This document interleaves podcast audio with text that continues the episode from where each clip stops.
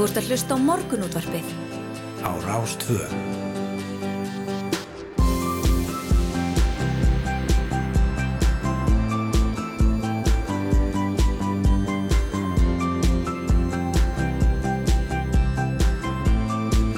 Morgunútvarpið Á Rástvö. Morgunúðarfið býður góðan dag miðvíkudaginn annan februar klukkuna vantar 10 mínútur í sjö og það er yngvar Þóru og Snær og Sindardóttir sem eru hérna með okkur til klukkan nýju eins og allaverka dag. Já, algjörlega. Góð daginn. Það var nú fallegt að kera til vinnu í morgun, það var snjókoma og, svona, já, örliti kvast sem, sem fekti snjónum svona fallega yfir göduna. Já, virkilega fallegt hér á höfuborgarsvæðinu en hálka Mikið hálka. og, og, hérna, og verðt að taka það fram að umferðum mun örgulega taka svolítið langan tíma í morgunsværið. Já, einmitt, einmitt og alveg veður það sem mögulega þarf að skafa örlítið af bílnum eh, held ég á, á svona eh, mestöldu landinu. Já, vonandi sleppa, sleppa flestir hérna með það bara að sópa honum. Já, Það einmitt. Það er bara stemningi því, sko. það er náttúrulega miklu meiri stemming í því Herri, við ætlum að fara nokkuð víða í þættinum í dag í eh, lok þáttar við að ræða við Óskar Þór Þráinsson upplýsingafræðing og bindis áhuga mann Já, en átakið bindin fram í februar hófst í gæri en því er alltaf að hvetja fólk til að nota bindi og ekki aðeins karlmenn heldur fólk af öllum kynjum. Við ætlum að ræðast við hann um þetta átak, hann segir bindin góð eh, til að sko, tjá sig e, og persónuleika sinn hvort sem fólk klæði sér virðulega eða er hverstasleira svona vanalega í klæðburði. einmitt. Þetta er, já, tjá sig og, og, og, og sína persónleika sinn. einmitt. Já, einmitt. Sko, kannski svona e- ef við gerum ráð fyrir kallmönnum í jakkafötum sem eru Já. svona mikill engilsbúningur þá er bindi kannski eini sjansinn að svona skína þess í gegn karakterinn en fyrir menn sem að ganga bara um í hljómsveitabólum eða peysum eða eitthvað þá er þetta kannski svona pínu stíft Já, einmitt. Áður voru alltaf bindin einhvern veginn svolítið svona já, mörg hver mjög hefðbundin. En nú Einmitt. er einhvern veginn meiri svona flóra. Algjörlega. Litrik bindi og, og fólk er að leifa sér kannski meira og, og hann alltaf veit manna best hvernig á að, að gera þau mál rétt í februarmónuði. Emitt, algjörlega. Svo er það sjónvarsmaðurinn Sindri Sindrason sem að frumsýni brátt nýja sjónvarsþætti á stöð 2 sem fjallaði um heimilisofbeldi. Hann tók höndum saman við Bjarkarlíð, miðstöð fyrir þólendur ofbeldis og fekk að heyra sögur sem hafi ekki verið áður sagðar og, ólíka byrtingamindir í þessum mjög svo svona falda brótaflokki. Það kom inga Sindri og Jenny Katr Kristín Valberg frá Bjarkarlíð. Upp á klokkan hálf nýju. Já, einmitt. Nú við höfum áður hringt í, já, til Færeja í Ebenezer Þórarinn Áskirsson, hann er framkvæmdastjóri hopp í Færejum sem við Íslendinga þekki nú ansi vel, eh, margir sem þeitast um á þessum rafskútum, eh, já, sérstaklega kannski á Emitt. á leiður bænum eða, eða bara á milli hérna vinnu og, og, og heimilis. En eh, ég landsrættur í Danmörku úrskurðaði á dögunum að lauruglunni í Færejum hafi ekki verið heimilt að leggja hald á 50 rafskútur frá fyrirtækinu síðasta sumar. En færisk stjórnvöld hafðu skilgreint rafskútunar sem breytt vélhjól sem eru hreinlega ekki leið þær í landi. Og hjólinn hafa því dúsað í langan tíma í kjallara lauruglustöðvarinnar í Þórsöfn en gera það já, líklega ekki mikið lengur. Nú, við ætlum að, að heyra í Ebenezer. E, það er þessi dómur sem, sem fjall þeim í vil e, um einmitt að, að þau mættu e, vera með þessa starfsemi þarna í færium og, og mér skildi svona á Ebenezer í gæra að hjólinn væri bara á leiðin á götuna á næstu dögum. Já, það er góða fréttir. Það eru góðar frétti fyrir færing en það var, sko, hjólinn voru þarna í þósað held ég eina helgi, ekki meina það en voru gríðarlega mikið notuð e, þá helgina. Einmitt. Svo Ragnar Þór Ingolson formaður VFR sem sagði um helgina um, stöðu efnahagsmála á Íslandi graf alvarlega og að kjaraveturinn framöndan er því þungur. Verðbólka mælist nú 5,7% af ársgrundvelli og hefur ekki verið meiri í rúman áratug. Ragnar sagði lítið að gerast varandi áallanir í húsnæðismálum eða annað sem gæti lækkað verðlag og mildað kröfu stjættafélagana. En við ætlum að fá til okkar Guðmund Inga Guðbrandsson, félags- og vinnumarkaðs ráðherra sem segir miklar áskorunni framöndan í kjærasamlangsgerðinni og bara svona já, heyra, ætla, það stjórnvöld get ekki eins og Garðan kallar eftir svona milda þetta þetta högg sem Já. að, kjærabáttan geti orðið. Já, já, einmitt, einmitt. Þau hafa svo sem uh, tala um það fórsvarsfólk uh, verkefliðsreifingarinnar að það hafi ekki verið staðið allt sem tengist lífskjara samlingnum, uppbyggingu húsnæðis og annað einmitt. og síðan er það, já, bólöfnin en, en kannski ekki bólöfni gegn COVID-19. Nei, lefiframlæðandir Moderna sem við þekkjum auðvitað flest fyrir bólöfnið gegn COVID-19 hefur tilkynnt að það sem nú þegar búið að hefja fyrsta fasa í rannsóknum sínum að bólöfni gegn HIV-veirunni með bólusetningu á hópi fólks. Það er ekki svo langt síðan það að smittast að HIV jafngildi nánast döðadómi en tímaðan eru sannarlega breyttir og Einarþór Jónsson, framkvæmdastjóri HIV samtakarna, kemur til okkar til að spjalla um þessi, já bara mögnuði tímamót sem að enginn sá fyrir, fyrir sko ekkert svo lengur síðan. Já, einmitt. Það er kannski fyrir 2000, þá Nei. var það teknin ekki, já það var engin lækning í auksin, en það Nei. eru, það eru sko mun fleira sem að hefur gerst í raun og veru í þessum háu vaffmálum, það voru gaman að heyra mikla framfærir, já, mjög, mikla framfærir. Nú upp á klukkan hálf átta ætlum við að heyra í Ragnari Edvardsinni, fordlega fræðingi við rannsóknarsettur Háskóla Íslands í Bólungavík en hann hefur ekki mikla aðtegli fyrir rannsóknir neðansjávar við hortnar kvalstöðvar erlendra þjóða við strendur landsins.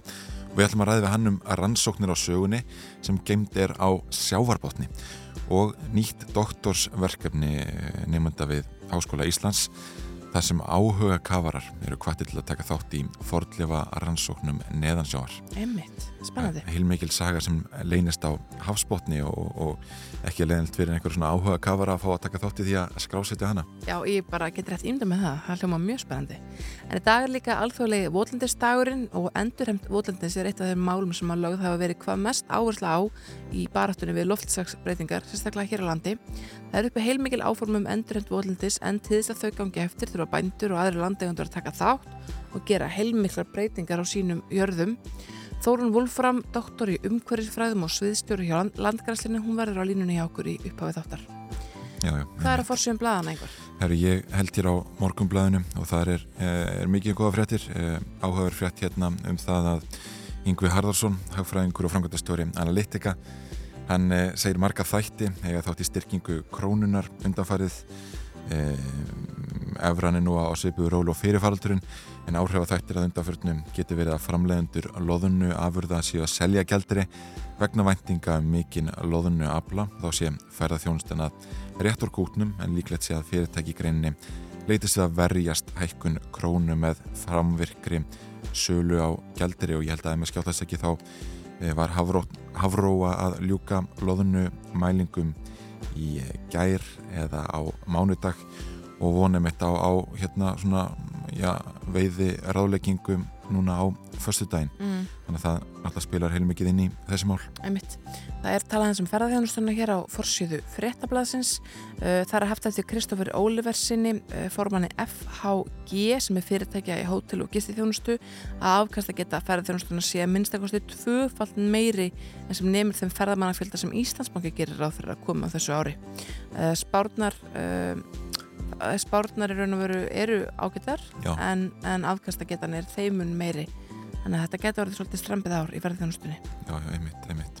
Og sér nú áhört að nefna það hérna að stutt frétt sem kom nú síðan þessi ger það að heilbreyðisáðra hafi skipað Runór Pálsson e, lækni í ennbætti forstjóra landsbítala til næstu fimm ára. Hann tekur við ennbætti fyrsta mars og þetta er náttúrulega áhugavert. Margir þekkja Runór Pálsson vel þetta andlit sem hérna, við bæði tengjum við læknadeild Háskóli Íslands og faraldurinn. Algjörlega, en það komum tíma til að skipta yfir á fréttastofuna og við komum svo hér að vörnum spóri með veður og færð og það er bara full ástað til að fara vel yfir það í dag en það snjókuma. Þú ert að hlusta á morgunútvarpið á Rástvöð.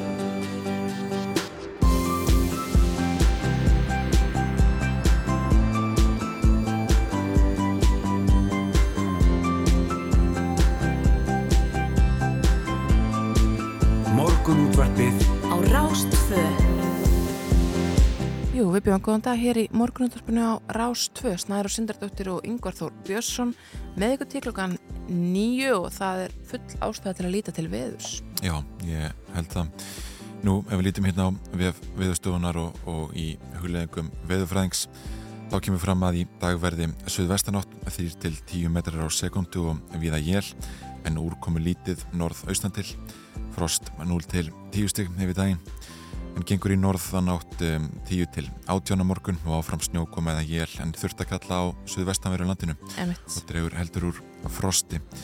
Nú þetta er, er að vera svona bjarta mestu einmitt eh, já, norðaustan og austan til ef við lítum á kortið. Já, já, frostið 0 til 14 stíð og kaldast í einsveitum fyrir norðan og austan Um, og það er, já þetta er bara kaldu dagur við getum sagt það. Já, já, algjörlega en það snjóar líka mjög mikið hér á, á svona siðri helmingi landsins og verður að taka fram að í morgun uh, kingdini snjó hér á höfuborgarsvæðinu þannig að, að, að uh, það er hálka, það er vetrafærð og það er jafnvel bara best að vera gangandi ef maður kemur við. Já, nákvæmlega. Nú skulum líta á vef, vegagerðarinnar líka. Þar er vetrafærðum alland eh, á höfuborgarsvæðinu er krabi á öllum helstu leiðum og eitthvað um hálku á Suðvesturlandi snjóþekja í þrengslum, hálka á helliseiði og á Reykjanesbraut og snjóþekja og hálka á öðrum leiðum. Á Vesturlandi þæfingsfærð á Fróðárheiði og frá Arnarstapa að Heitalsvegi og snjóþekja á öllum helstu leiðum. Um, á Vestfjörðum þæfingsfærð á Mikladal og Kleifaheiði og snjóþekja á helstu leiðum þar eins og annar staðar og einhverjum hálku. Emitt, það sama er upp á tegningnum á Norðurlandinu, snjóþekja hálka og hálkublettur á flestum leiðum þar og Norðausturlandinu hálka inn til landsins og hálkublettur með ströndinni en ófært um Dettifossveg.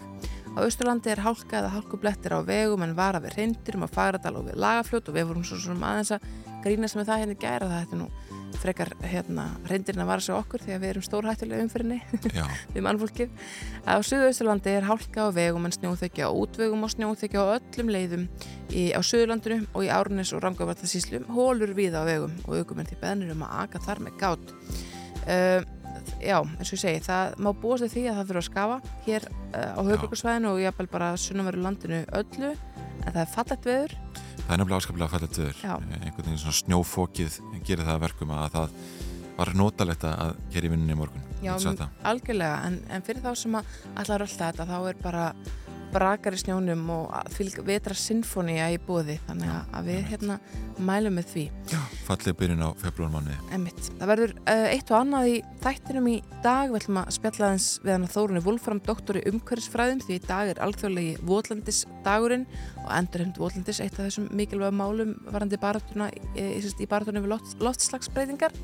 Svo ætlum við að tala við Ragnar Edvardsson, hann er fortlöfafræðingur við Rannsóknarsettur Háskóla Íslands í Bólangavík og hann er, eh, já, hann er ekki að, að dusta af einhverjum fornminnjum á landi heldur er hann í sjó. Já, já, hann hefur ekki miklu aðdeglu fyrir rannsóknir neðan sjóvar við hortnar kvalstöðvar erlendra þjóða við strendur landsins.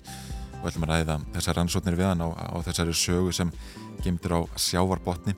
Og um nýtt doktorsverkefni það sem áhuga kafarar eru hvati til að, að taka þátt í því að skrásetja fordleifar eh, neðansjávar. Einmitt, talandum vísindin, við ætlum uh, að tala við Einar Þór Jónsson, framkvæmstöru Háu Vaff-samtakana, því að Moderna tilkendi það bara í fyrirdag að þau varu að hefja, já, væri búið að hefja uh, fyrsta fasa í rannsónum sínum á bóluöfnu gegn Háu Vaff-verunni með bólusetningu á hópi fólks sem hægur bara gríðarlega tímamót. Já, já. Svo kemur yngar til okkar Guðmundur Ingi Guðbrandsson félags- og vinnumarkasmálar á þeirra því að það er að ja, heldur betur að heitna í kólunum varandi uh, komandi kjaravitur. Já, já, Ragnar Þór var ómyrkur í máli með helgina þegar hann sagði stöðu efnaðsmála í Íslandi graf alvarlega og, og að kjaraviturinn framöndan já, bara verið þungur mikil verðbólka mælast núna og, og, og svona gaggrínt eh, já, aðgerralessi stjórnvalda í húsnæðismálum hefur verið eh, gaggrínt og Guðmundur Ingi kemur undan til okkar í uppbúrleikan átta. Já, svo ringjum við að færa það. Já, já, einmitt. Landsrættur í Danmörku úrskurðaði e, á tögunum að, að lauruglunni færium hafi ekki verið heimilt að leggja halda á 50 raf skútur frá íslenska fyrirtækinu Hopp síðasta sumar. Við höfum nú áður herti í Ebenezer Þórarni Áskersinni, framkvæmdastjóra Hopp í færium og ætlum að heyra á aftur í honum núna. Það búið að leysa málið, hann ætlar að setja rafskútunar aftur á götur Þórsafnar. Þetta var vinsalt hjá færingum síðasta sumar og verður það líklega aftur þannig kannski aðeins önnur veðrótta þarna núna en, en var í, í gleðinni. Þarna fyrir nokkru mánuðum en, en já, fólk þarf alltaf að komast að milja staða. Já, nákvæmlega. Svo koma til okkar Sindri Sindarsson sjóhansmaður og Jenny Kristín Valberg frá Bjarkarlíð út af nýjum þáttum sem að Sindri er að fara með loftið á stöðu 2 og fjalla um heimilsofldi það verður áhugavert að heyra hvað þau hafa að segja. Já. og svo er það snirtimennskan Síðan er það snirtimennskan í lok þáttar þá ætla að ræða við Óskar Þór Þráinsson, upplýsingafræðing og bindis áhuga mann. Nei mitt, ekki bindinga áhuga mann. Nei, ekki þetta skiptið. E, og við ætlum að ræða við hann um átækið bindin fram í februar sem hóst í gerð. Það eru verið að kveita fólk til að já, nota bindi, ekki aðeins kartmenn heldur fólk af öllum kynjum. Nei mitt, en fyrst er það lægið þegar ég verð 36 miljónstunni flott.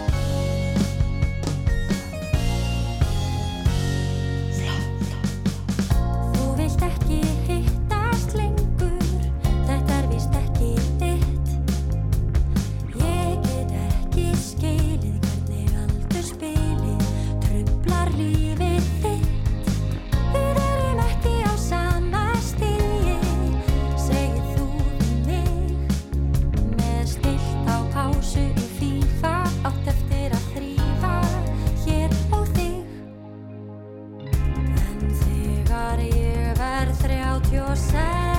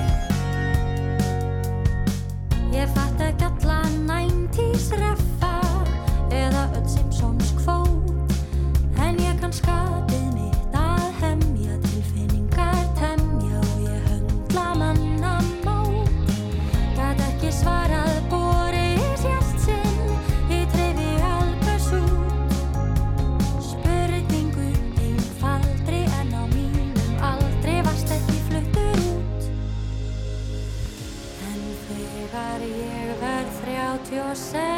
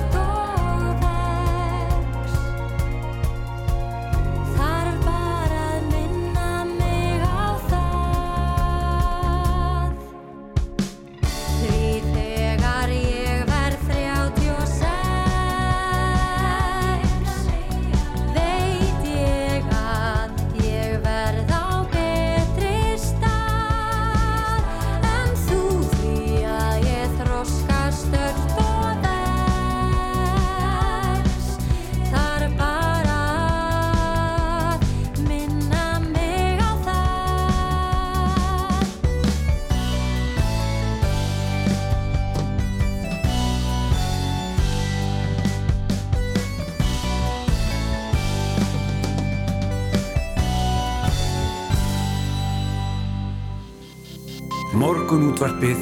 Á Rástfö Það er frá nýri já, nýjum þjóðarpúlsi Gallup hér á vefsíður Rúf þar kemur fram að, að stjórnarflokkarnir hafa tapað fylgi fyrir á kostningum með myndið og halda meiri hluta sínum á þingi ef kosið væri nú. Það svo sem ekki mikið búið af kjörtímabilinu og, og kannski ekki, ekki mörg verk sem hægt er að dæma endilega. Sjálfstæðarflokkurinn mælið sem fyrr stærstaflokkur landsins með 22% atkvæði og framstændaflokkurinn næstastur með 17%. Píratar eru að segja mjög í sig veðrið frá kostningunum og mælast með 12,5% og það er næst koma samfélking og vissi græn með þærflega 11% kvorflokkur meðan viðrist og flokkur fólksins mælast ykkur megin við 10%. Æmitt. Það er svo merkjöld með pírata þau eru búin að vera til í já, þó nokkur ár núna um, allir þetta hafi ekki verið þriðið að fjörðu kostningarna sem við fóru gegnum uh, núna síðast Já, já, einmitt. Um, og, og þau topp alltaf á milli kostninga í skoðanakonunum og svo kemur það ekki endilega upp á kjörgössunum sem er bara, það er bara áhugaverð stjórnmálafræðileg stúdíja út af fyrir sig. Já, já, einmitt, einmitt. Síðan er áhugavert hérna út og vorum að ræða við uh, Greti Gautason um kostningar í Portugal og, og sósistaflokkin þar. Í gær, þá kemur hér fram að sósistaflokkur Íslands myndi ekki koma sér á þing uh, með að við þessa skoðanakonun og ekki heldur miðflokkurinn uh, mælast svona með um 4% atkvæða. Þannig að þetta er, þetta er áhugavert en, en já, stjórnaflokkarnir mælast með helming að hvaða sem myndi döga til meiri hluta á þingi. Já, algjörlega. Það er á, önnur áhugaverð frétt hér á vefrú sem að vekur aðteklega mína. Fjögur bandarisk lififyrirtæki hafa komist að samkómulagi við nokkrar frumbyggja þjóður bandaríkina um bætur vegna að skada sem þeir hafa orðið fyrir að völdum ópjóðafaldur sem geisað hefur í landinu og kostaði yfir 500.000 bandaríkjaman lífið á sístu 20 árum. Þau eru þrjú fyrirtæki, McKesson, Amerisos Bergen og Cardinal Health sem samþýttu að greiða þessum sjö frumbyggja þjóðum samtans 440 miljónir bandarækjatala að jafnverðir yfirlega 56 miljardar krónu á næstu sjö árum. Bara vegna þess hvernig þessar þjóðir hafa já, orðið úti í já, bara, og þá mátt þóla einhverja verstu afleðingar og ópjóðafaldur sem af öllum bandarískum þjóðfélagshópum Já. Þetta er ótrúlega áhugavert og mjög áhugavert onni í þessa dópsik umræði sem hefur verið mjög ábærandi. Mm, já, já, einmitt. Olivia Erisin Johnson Johnson sem við þekkjum nú vel eh, eftir hann að korunu verið faraldur er eitt af fyrirtæki sem hefur þurft að semja um háar bætur til frumbyggja þjóða eh, vegna þessara mála. Einmitt, þetta er, þetta er, hérna, já, þetta er mjög áhugavert og bara eh, það var auðvitað mjög góð umfyllun í uh, Kompos hér í, ég líklega síðustu viku Sunna Valgerðardóttir var þar uh, með mjög áhugaverða umfyllun um ópjóðafaraldur hér á landi. Já, nýjan ópjóðafaraldur, einhvern veginn, eh, nýja bylgu Nákvæmlega, algjörlega, en svo eru auðvitað þessi, þessi þættir sem hafa slegið í gegn uh, á Disney Plus sem heita Dopesick og, og hafa svona um, kannski verið svona glóð inn í þessa umræðu sem að hefur svo sem verið alveg rík, sérstaklega í bandarækjunum mjög lengi. Já, já, einmitt, einmitt. Það er kannski rétt að fá eitt lag og, og ræða síðan aðeins endurheimt Votlandis. Já, þetta er lagið Smile með Lili Allen, þetta er gammalt og gott og bara eða svolítið frábært.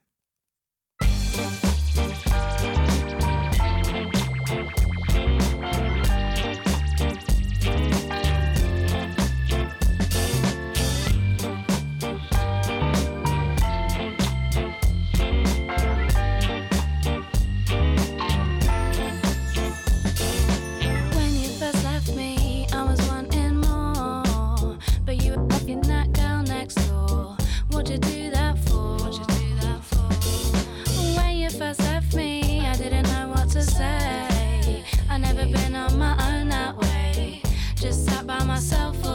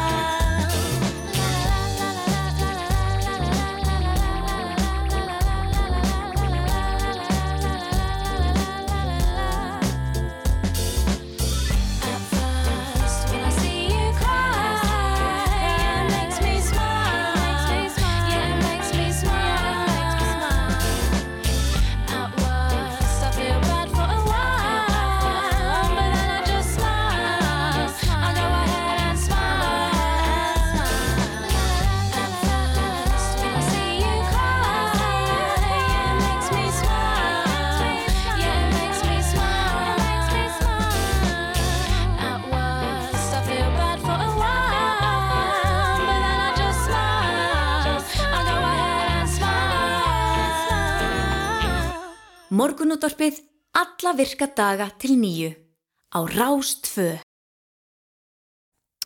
Í dag er alþjóðlegi Votlandis dagurinn en endurheimt Votlandis er eitt af þeim málum sem að lögð hafa verið hvað mest áherslu á í barátunum við loftslagsbreytingar. Það eru uppi heilmikil áformum endurheimt Votlandis en til þess að það gangi eftir það þurfa bændur og aðri landeigjandur að taka þátt og gera miklar breytingar á sínum jörðum. Hún er komin á línuna hjá okkur Þórun Wolfram, doktor í umhverfisfræðum og sviðstjóru hjá landgræslunni. Góðan daginn.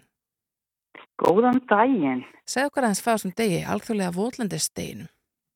Já, það er bara verulega gaman að fá tækifæri til að tala þessum um votlendið og mikilvægi venda þess í dag. Og ég kannski vil byrja á aðeins að setja þetta í samhengi við bara almennt viskerfi heimsins. Af því að þau eru náttúrulega í ekki nógu góðu ástandi mm. og eins og réttilega myndist á og þá er verið að leggja mikla áherslu á alþjóðavektvangi, ekki bara votlendi heldur öll viskerfi, endur heimt skóa og svo framvegis. Og saminuðu þjóðunar eru meira sem með áratug endurheimtar vískerfa í gangi fram til 2030 mm. og sérstaklega til dæmis er verið að leggja áherslu ávöldlindisvend hjá uh, UNEP sem er þá á hérna umhverfis samtök saminuðu þjóðana Einmitt. Þannig að þetta er allstaðar út um allan heim virkilega stórt mál Já. og meiri segja var mjög gaman á síðasta koppfundi sem sér lofslagsráðstefnu samnið þjóna í Glasgow að þá var í fyrsta skipti áhersla á votlendi sem uh, lofslagsaðgerð og náttúruvendaðaðgerð og það var sérstaklega votlendi skáli sem að Langrasland og Ísland tók þátt í Þannig að það er fullt að gerast í Já. þessum málaflokki allstaðar, Sko- ekki bara hér á landi. Já, sko fyrir þá sem þekkja þetta ekki alveg, hvað fælst í því að endur heimta votlendi? Já, takk, góð spurning. Það er náttúrulega þetta kerfi að um, við röskuðum votlendunum hér á árum áður bara með því að styrkja framræslu og við þurftum að gera þetta á sínu tíma bara til að byggja upp landbúnaðan okkar, komast í að rekta betri tún og fá betri bitaða fyrir hústýrin okkar. En svo kannski fóruð við aðeins fram úr okkur, það kerist undir hérna hjá Íslandi, þannig að það var meira grafið fram, meira framræst, það sem að vastaðir um verið lækkur í landi og það þotnar Já. og þar að leiðandi þeir niðurbrot uh, gróðursaloftu en það er sérstaklega kólefnisins af stað og losnar.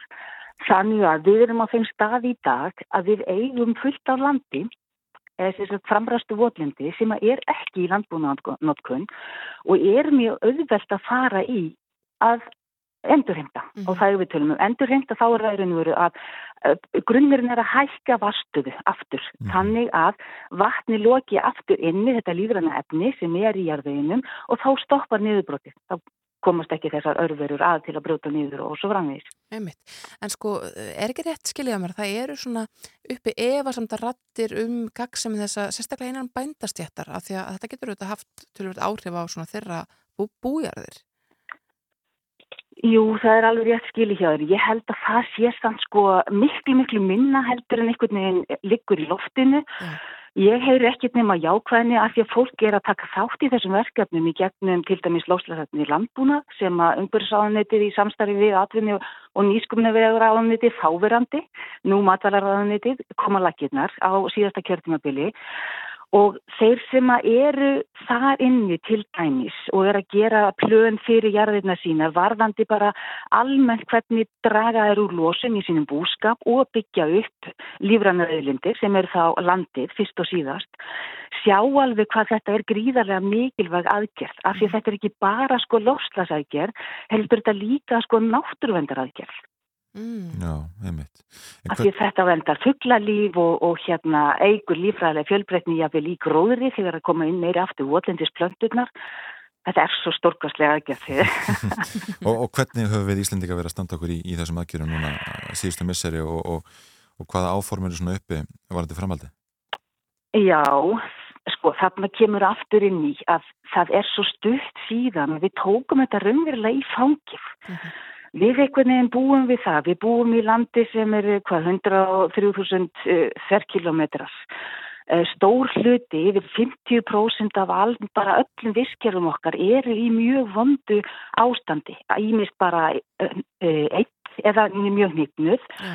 Og þar eru votlendin líka. Það er hvað búið að ræsa fram 70% að- eða hvaða nú er af votlendi á lálendi, 45% af öllu votlendi landsins. Þannig að þetta er svo ofbúslega stórt verkefni og við erum lítil hljóð.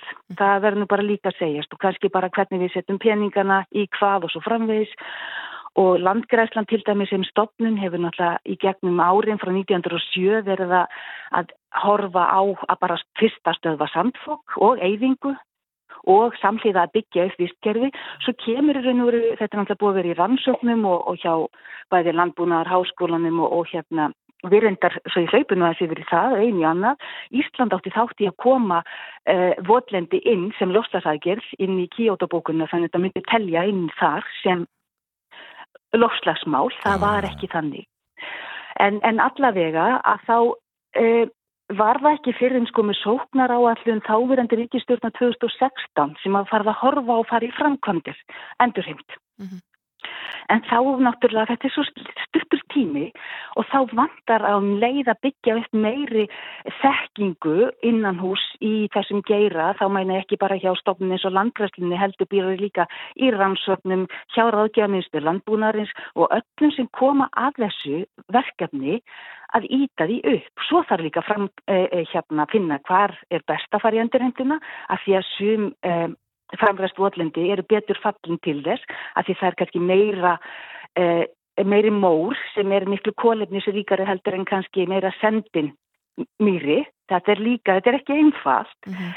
en þetta er stuttur tími og og fátt fólk sem er að vinna í þessu og allt og lítið fjármakt sem fer í þetta ennþá þrátt fyrir góðan vilja. Einmitt. Við hljóttum að fylgja þessu eftir hér í morgunundarpinu Þórun Volfram, doktor í umhverfisfræðum og sviðstöru hjá Landgræslinu. Takk kærlega fyrir að vera á línunni hjá okkur. Takk fyrir mig. Við ætlum að heyra smá tónlist hér áður en við skiptum yfir á frettastofuna og komum svo að verðum spórið með bara alls konar skemmtilegheit.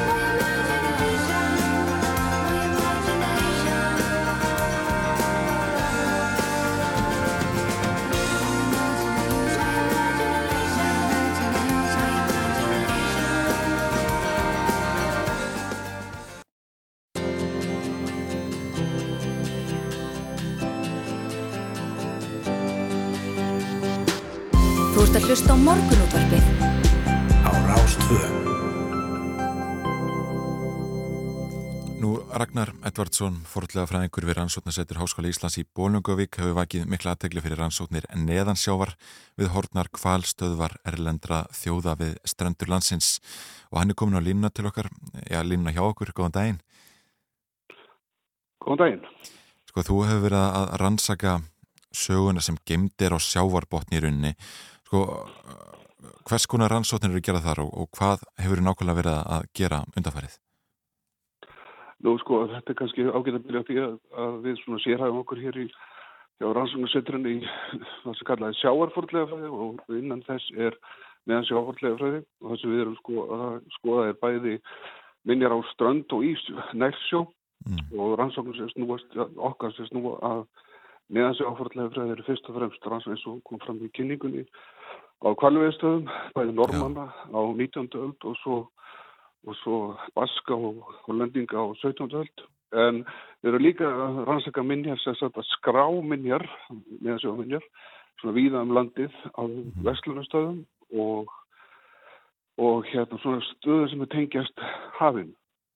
Og, og rannsóknarkundar hafa leitt ímislegt í ljós og, og sérstaklega kannski að að eru miklu meiri minjar á hásbónu heldur en kannski menn gerir sig grein fyrir en það sjáu við þar ekki og það er, eru mjög vel varðveitar þetta eru bæði skipsflög, þetta eru gripir þetta eru uh, bryggjur, það lefar á, bryggjum svona yngislegt og ef við tökum svo dæmi svona rannsók sem við erum með í við Reykjavík að þar uh, við skráð uh, átt í 40 minnir meðansjávar og af þeim eru 11 skipsflög Já, já. bara í kring frá, frá sem sagt Örfisei og inn í Eðsvík sko, til dæmis. uh, Nú ímynda maður sér kannski e ef að skipsflökinu er frá talin að, að hafströmmar sko tæti í sig bara að megna því sem að er að botninum að eitthvað svona ja, ja, mannlegum leifum þar að segja hverju kvalstöðvar og svo framvegs er, er það ekki svo, er, eins og þú nefnir vel varðveit? Nei, þetta er ákveð þess að ég held ég að fólk svona almennt sé svona, ég er ekki alveg grein fyrir það, ég raun að veru eru svona svipaði krafta sem virka á forðlegar neðansjáur og á landi. Mm. Það getur alveg þýmættið sér að, að vindur með í fjúkvöldum, að blásallum forðlegum á landi í burtu. Mm. Vindur og sjáaströmm eru kannski hægt að svona þess að gefa fólki svona hugmynd. En uh, oft lenda þessi, þessi, þessi, uh, þessi minni skipslög og annar á í skjóli og er í skjóli ofti náttúrulega eins og kvalvegstuðu byrð kannski meira skjóli svo að segja að vinna kvalin. Þannig að þess að lenda hafsbóttunum við stöðunar eru þá maður kannski meiri skjóli fyrir sjáaströmm þannig að það er kannski helst minnir eins og skipslöks og stranda við, við útneðs og annað sem kannski tætast í sundu en, en, mm. en þau sem lenda bæði djúft og inn í fjörðum og, og, og svo til dæmis í, inn í Eðisvík sem var tilskipa leiða eh, á 19. öld og upp á 20. öldar það eru skjól og ekki miklu ströymar og svo náttúrulega líka annað sem kemur inn í það eins og, eins og landi hlutir grafast niður og til dæmis skipflöksu sökveis í lenda í mjúku seti þau sökva eða grafast niður eftir að sagt í setið og þá var alltaf var að vissla mjög góð. Já, já, ég veit Við höfum alltaf séð einhvern veginn myndefni af fordlefa fræðingum sem eru að ransa eitthvað hérna e, á landi en við höfum kannski minna séð um, um já, af einstaklingu sem er að skrásetja söguna sem er gemtir á, á sjáarbotni hvernig, hvernig fyrirkomulagi þegar þið farið eh, neðan sjávar og, og, og skoðu þessa muni og skrásetja hvernig ferlið? Ferlið er náttúrulega eins og bara mjög svipað á landi, þetta er allt eh, fyrir utan sko að við hefum svona fjarkannanir. Við byrjum náttúrulega því að rannsæka þetta sérstum frá heimildum. Eins og ef við erum að leita tilteknum skipsflaggi þá förum við í ritaðan heimildur og reynum að finna svona, uh, hvað segjum við að finna svona staðsendingur svona gróft. Síðan er bara að fara á staðin með, með fjölgislamæli eða tígislamæli sem mælir hafsbótnin sem sagt þú fær svona mynd af hafsbótnin hún dreyður, hann er dreygin eftir bátbar og þú ferði yfir svæði svona skipulega. Yeah. tangatur og pikkar upp eitthvað sem lítur út eins og sem vangjert og þá er bara næst að skrifa eftir það er ferðu bara annarkort með neðan sig á dróna eða að kafa niður á þennan stað fyrir alltaf til dýpu hvað þú hvort þú getur kafað og þann, þannig er þetta bara gert þú bara pikkar út staði og kannar það svo nánar með köfun eða, eða dróna Einmitt. Og, og hverja hafið komið það sem hefur kannski já, komið þér á óvart? Fyrsta sem komið náttúrulega óvart þegar ég byrjaði í, í þessu þá var það hvað í raunveru varðverslan er góð meðan við mm. sko með, með við það sem maður hafði lesið í, í að menn höfðu sagt að það, maður hafði lesið að það var varveitist skip illa við Íslandströndur en starfið er náttúrulega, náttúrulega allt annur við erum með skipalög frá allt áttur á 17. öld á, á sem, sem hafa verið skoðuð og mögulega eru það minn á milli líka skip frá eldri, eldri tíma sem eru ekki búið að staðfesta og þannig að það er bara svipið varfislu og maður hefur sjá annar staðir sem kringum Breitland segjar og annar staðir og, og, og er miklu meiri minjar, sem þetta fornminjar og, við, og svo náttúrulega eins og við kvalvegi stöðu vanna, það eru heilu kvalbeina kirkjugarðarnir frá normannum sko sem eru þá og rannsóknar á þessum beinum að síta normannir eldustu alla kvali við sem er gátu við, við Íslandströndur. Já, einmitt. Að, að, það er náttúrulega gríðarlegar minnjar sem eru á hásmannu og sem við kannski höfum ekki gert okkur alltaf grein fyrir og, og, og svo er náttúrulega líka að svo er að gerast í á, á Íslandi í dag það er alltaf meir ásókn í ströndina og nærsjó til hafnagerða og líka náttúrulega eins og eh, karfjörungavinnsla og svo náttúrulega líka Eh, kemur inn í þetta náttúrulega einhverju leiti eh, fiskeldi því að það eru alls konar úrgangur frá fiskeldi sem mhm. getur haft áhrif á minnir á hásbótni og þetta er alltaf að taka dilli til það eru minnir það út um allt og við þurfum alltaf að byrja því að skráðir og vita hvað það eru og í hvað ástandu það eru. Já, akkurat.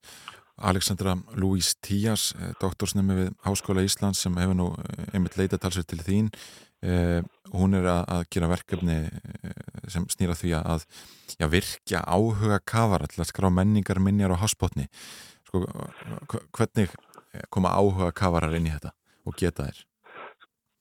Og það, það er náttúrulega verkefni hennar er svolítið áhugast því að þetta er eitthvað sem kalla hefur verið svona, við getum kallað borgaravísindi, það er til þess að fá almenning til þess að taka þátt í í fordleifaransóknum og þá sérstaklega hefur þetta virkað vel í í meðansjóða fordlega því að það eru yfirleitt ekki margir fordlega sem eru stundar þess að þetta er aldrei sérhæft.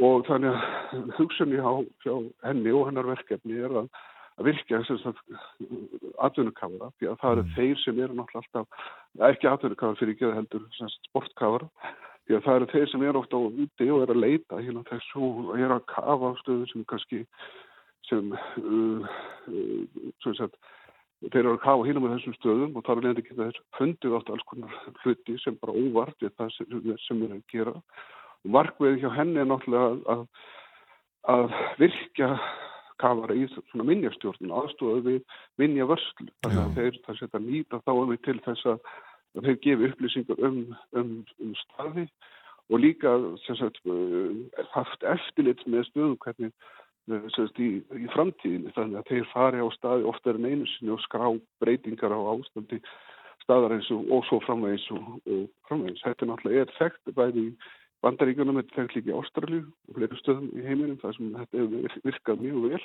Mm -hmm.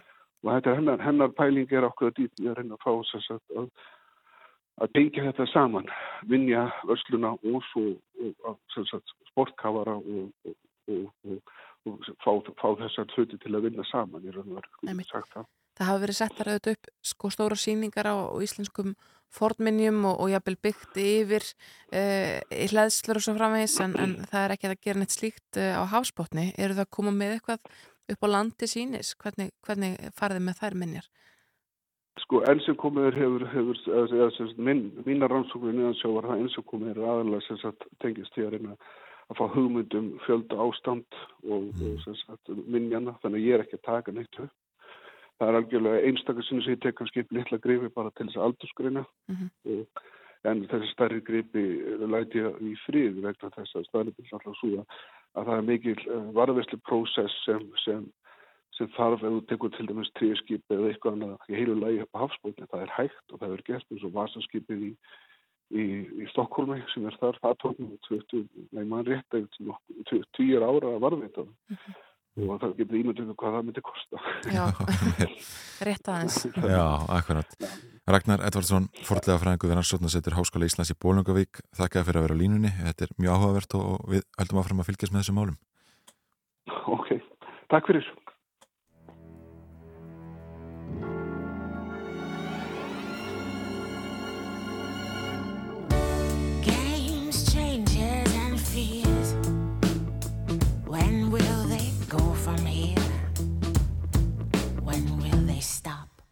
I believe that fate has brought us here, and we should be together, babe.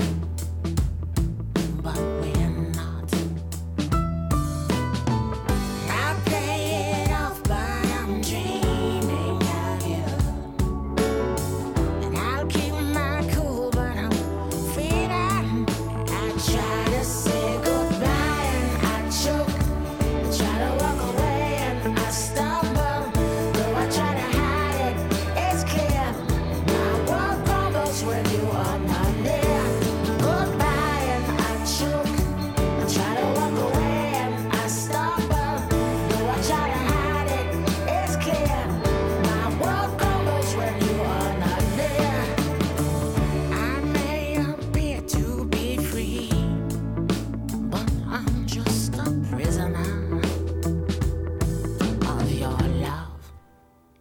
I may seem alright and smile when you leave, but my smiles are just a front, just a front.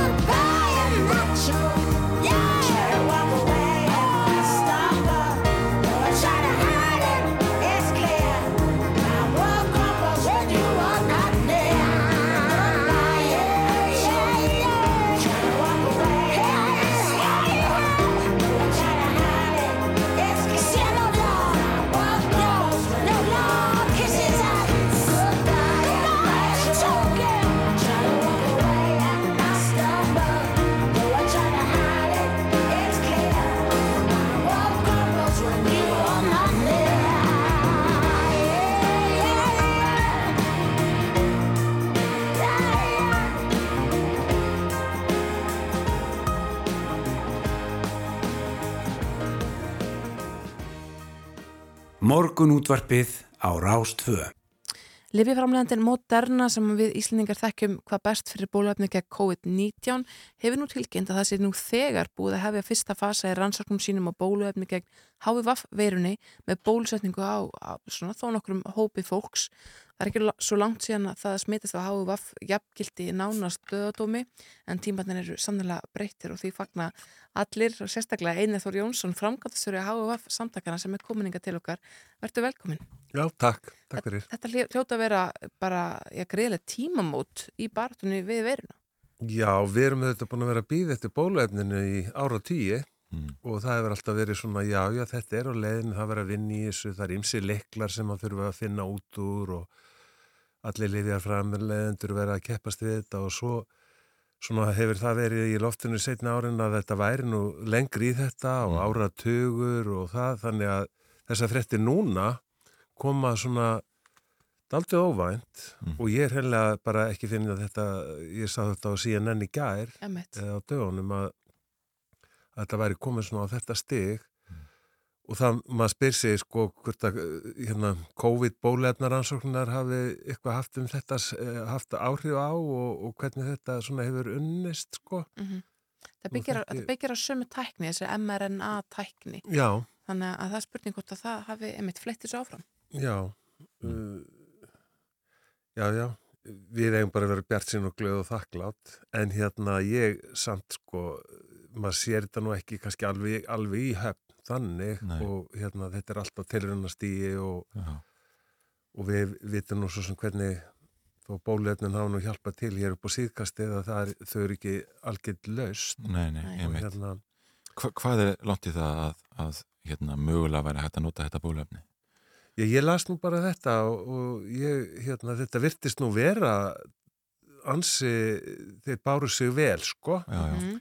En það var nú líka gert hérna með COVID-munni, hérna. COVID-bólefnin hérna í fyrra. Mhm, Þannig að en það er bara frábært samt að það sé verið að vinna í þessu því að við, svona, maður hugsaði, já, byttu nú við, er ykkur ávinningur að því fyrir lífið fyrirtekin að vera að setja, sko, brjálaðislega pening og mannafla í þetta, að vera að finna út úr bólefni fyrir HVF, HVF er alvarlegast og, og, og, og, og, og, og svona um, mesti skadvaldur í þróunaríkjanum, Mhm. eins og til dæmis í Afríku og sunnaverði Afríku, það er alveg miljónir og miljónir manna sem eru, eru með HVF og alla fá liv og, og það er bara erfið og, og austur Evrópu líka að þetta eru kannski lönd sem eru þannig fátæk og það er ekkit sko lífjafyrirtæki vilja, lífjafyrirtæki vilja fá sinn pening fyrir það sem þeir eru að gera og, og, og eins og ég segi þakklætið en, en ég veit ekki sko þessi svona hópar sem hafa tengst HFF síkingunni eins og þið vitið eh, til dæmis á Vesturlandum, það er samkynniði kallar og það er fólk sem að er að eh, nota í æð, nota sprautubúnað og, og, og, og svona aðrir hópar sko sem að eru svona kannski ykkur staðar svona daldi varnalysur hópar sko þannig Mhm. þó maður kannski þurfum ekki að tala um, um homma þannig hér á, á Íslandi eða Vesturlöndum en ég veit ekki hvað uh, maður á að segja sko að hérna, þetta er bara gleðilegt ef þið komið á þennan stað og það verður mjög fróðlegt og áhugavert að sjá framvöndin að þessu og hvernig þetta verður síðan kynnt og, og hvað, hvernig svona þessari dreifingu verður hátt á hvað það kostar og, og talar um, hvernig, hvernig hafa um, aðgengi að þessu. þú talar um stöðuna í, í þróunarríkjum sko, það eru þetta komið liv á marka fyrir þessa hópa sem að eru eh, sko, einmitt, útsettir fyrir HVF eða eru í viðkomum hópum um, uh, sem að halda verinu niðri. Það, það hefur mjög mikið áunist, ekki satt, uh, í baratunum við HVF undanföllum kannski 10-15 árum. Jú, al algjörlega og þetta er gríðarlega merkileg saga. Ég á núna, ef ég geti talað um ammæli, þá ég núna bara eftir á þessum ást, eða núna eftir ykkur vikur, þá er ég hérna þá er ég 35 ára ammæli sem Mhm. háfa fjákvæði maður og ég er hérna alveg sprellifandi eins og sér. Ég hérna, og þetta sko, frá því að þetta var algjörlega döðadómur, mikið, mikið stigma eins og við köllum það flokkun á því hverjir á fólki sem var með háfa mikill ótti, miklu fordómar og, og, og já, og óttin alveg greiðarlegur, það komið lif uh, 97, 98 og það er alveg saga að segja frá því hvernig það allt gekk svona fyrir sig Mhm. við fórum að taka þessi lif í raun og veru með þau voru að tilrunast í því það var einhvað að tapa, fólk var að deyja þurftum að berjast fyrir því hérna á heimsvísu og mm. síðan má eiginlega segja sko að tíu árum setna þetta gerir svona í tíu ára bitum þá sagt, eh, og þá er búið að þróa lifin, við fengum allt og sterk lif, fólk var undirlætt að auka verkunum og þetta var bara mjög erfitt. Uh, síðan er þetta komið á allt annan stað, tíu ára setna og þá sagt er búið að vera að vinna í því að við fáum það viðurkent að fólk sem að væri á lifjum og væri með uh, sagt mótefnum verið þannig bælt að við hérna værum ekki smitandi Mhm. og, þa- og við hérna værum ekki með mæla, mælanlega veiru í blóði og það kom að því að alþjóða heilbriðstofnunin gaf út þá yfirlýsingar þannig væri það og það var ekki auðvelt að fá uh, sóttvarna uh, stofnanir uh, til að viðurkenna það og við erum í raun og ég hef nú aldrei heyrt hann Þóról segja það Nei, upphátt að það væri þannig. En, en hérna þannig að Þórólinn minn og hérna síðan sem sagt í, í, í samsetningu af þessu lífum sem var yfir þrjú lif þá, þá er það lif sem heitir Trúvata sem að e- e- vinnur með þetta að, að, að, að bæla, bæla háfa eða svæða bara háfa veiruna en ekki þannig að, að við erum ekki læknuð við verðum að taka lif ég býst fastlega við því að við þurfum að taka lif sem eru með HVF allæfi, Mhm. alveg eins og bara með marga kannski aðra sjúkdóma, langvinna sjúkdóma. Uh, síðan hefur það gerst uh, kannski tíu ára setna að þá að það mætti gefa þetta lif fólki í svona áhættu hópi með við, köllum, við kjósum nú að kalla það betra nafni í líkil, líkil hópar, fólk Já. sem að er er í verulegur áhættu að, að smitast að háfa Mhm. hvað tengist kannski lífstil þeirra eða kynlíf eða hvað, það skiptir ekki máli eða fólk á ákveðnu svæðum í Afríku samkynniðir kallar sem að, og fólk sem stundar enda þarm smög því að það er miklu hættulegri leið heldur en önnur Mhm. og ímislegt svona og hérna uh, þannig að það hefur verið svona mikið baráttumál hérna líka á Vesturlöndi því þetta kostar aldrei mikið og ég veit að það er sagt, að, að preppið var, var tekið inn og sjúkratryggingar standa ströyma þeim kostnaði hér og það er alveg frábært og, og þannig er það. Já, já, einmitt. Sko, þú talar um það að þetta hafi allt tekið svolítið langan tíma, e, þurfti að berjast fyrir þessu þarna um, um ár, aldamótin e, og, og einhvern veginn fyrst núna koma þetta bólefni heldur þessi, kannski, hæga gangur e, sé að einhver leiti tengdur einhverjum fordómum eða er þetta bara það að við erum að lifta grettistaki núna í hvað var að bólefna framleyslu? Sko ég er, eins og ég segi, 35 ára gammal í þessu sko og ég er svona eiginlega fylst með sem ungur samkynniði maður í þá daga þegar maður fór að heyra um, um, um háfafið. Ég á eitthvað svo bátt með um, ég vissi ekki að hafa nýtt upp á sig að vera eitthvað ásaka og það er ekki heilbrið starfsfólk eða samfélagið í heilsinni sem að hefur beitt háfa fjákvægt fólk ykkur rosalegu misrétti eða mismunun og svona en óttin var gríðarlegur og það er saga mikill að sorga og mótlæti sem tengist nákvæmlega þessi sem þú múrt að spyrja um og það hefur vissulega haft áhrif á þessa þjónustu og þetta sem er að gerast núna að bólefni sé að koma mér finnst það bara alveg frábært en ég spyr sko byrju er að þegar að COVID kom koronaveiran þá lagðist öll heimsbyggðin á eitt Einmitt. að gera þetta, finna út úr þessu og allir vísendamenn voru sveittir á rannsóknustofunum skilsmanni. Mhm. Var það þannig til að leita bólefninu gegn HVF eftir að sko það var mikill ótti í byrjun með HVF. og talað um þetta var, faraldur í fjölmiðlum og svo þetta var framvegis. skelvileg drepsótt og er enn, Mhm. það var 70-80 miljónir manna smittast að HVF og hvað, ég held að hátt í 40 miljónir, 35-40 miljónir hafa dáað völdum alnamis og HVF er ennþá að smittast og, og þetta er sko 100.000 miljónir af, enn af völdum alnamis Einmitt. og hvað hefur, hefur verið lagt í það? Þannig að, en eins og ég segi þetta er bara alveg frábært ef að það er veruleikin að það sé að koma virt bólefni sem að hægt væri og þá kemur það einmitt hvað er, er, er, er, er hérna Júniets eða saminu þjóðnar og svona heims heim, veröldun öll tilbúin að leggja á sig til að koma bólefninu þangað sem það þarf virkilega að fara. En, eh, einmitt, landþóknum sem það þarf virkilega að fara sem eru einmitt þessi ríki í Afríku þar sem að, að það er mikið smit en sko, hafið ekki ágjörðu því að uh, fólk, foreldrar ef það kemur til þess að, börn veru uh, bólusett gegn HVF-verunni, það hugsa ég að Batni mitt verður aldrei í þeim hópi sem að gæti mögulega verið lík, í þessum lík, líkilhópi eins og þú nefndir. Batni mitt verður aldrei þar. Hefur, ein- sko, er, enga líkur því að fólk geti afþakkað þetta bólefni út frá þerri fáfræði? Já, þú ert að meina að, að bara heimsbyggðin verði bólusett gegn HVF, já. Já, en það kemur alltaf þessi hérna, svona minnir ekki á hommi lína, skilur við sem við veit ekki svo sko, allavega hérna á Vesturlöndin, þá tengist auðvitað HVF ákveðin lífstíl. Mm og, og þú, við, við smittistum ekkert að HVF í venlur umgengni. Við að fara saman í sund eða kissast eða að það HVF er í raun og veru daldi lítið smittandi sjúkdómur, þannig að ég geti eiginlega ekki alveg svarað þessu sko en auðvitað væri það bara alveg frábært og það er nákvæmlega með dettinu í hug bara þegar þú nefnir þetta sko að nú er til dæmis uh, stelpur verið bólusettar við hérna, ég, hvað heitir það hérna? HPV-verunni. Já, HPVF Mhm. og, og það er verið að tala um að það þurfa að gera allar stráka líka og sérstaklega samkynniða stráka. Mhm.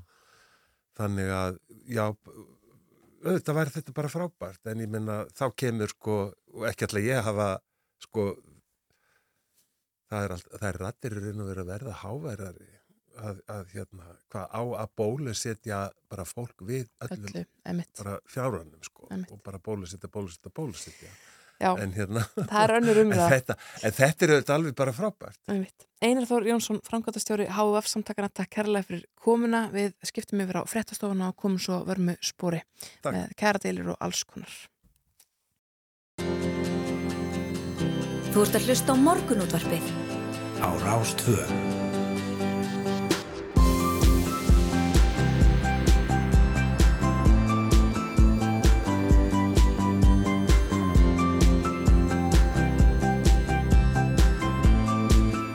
Morgunútvarpið á Rástvö.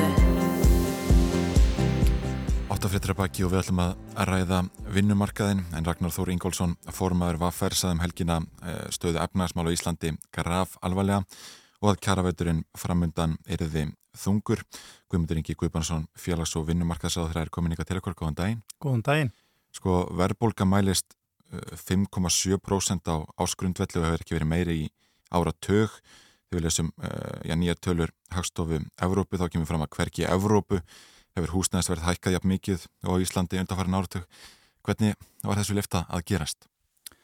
Sko ég held að þetta, sko verðbólgan hún er náttúrulega bæði vegna þess sem er að gerast erlendis og hún er sögulega gríðarlega há.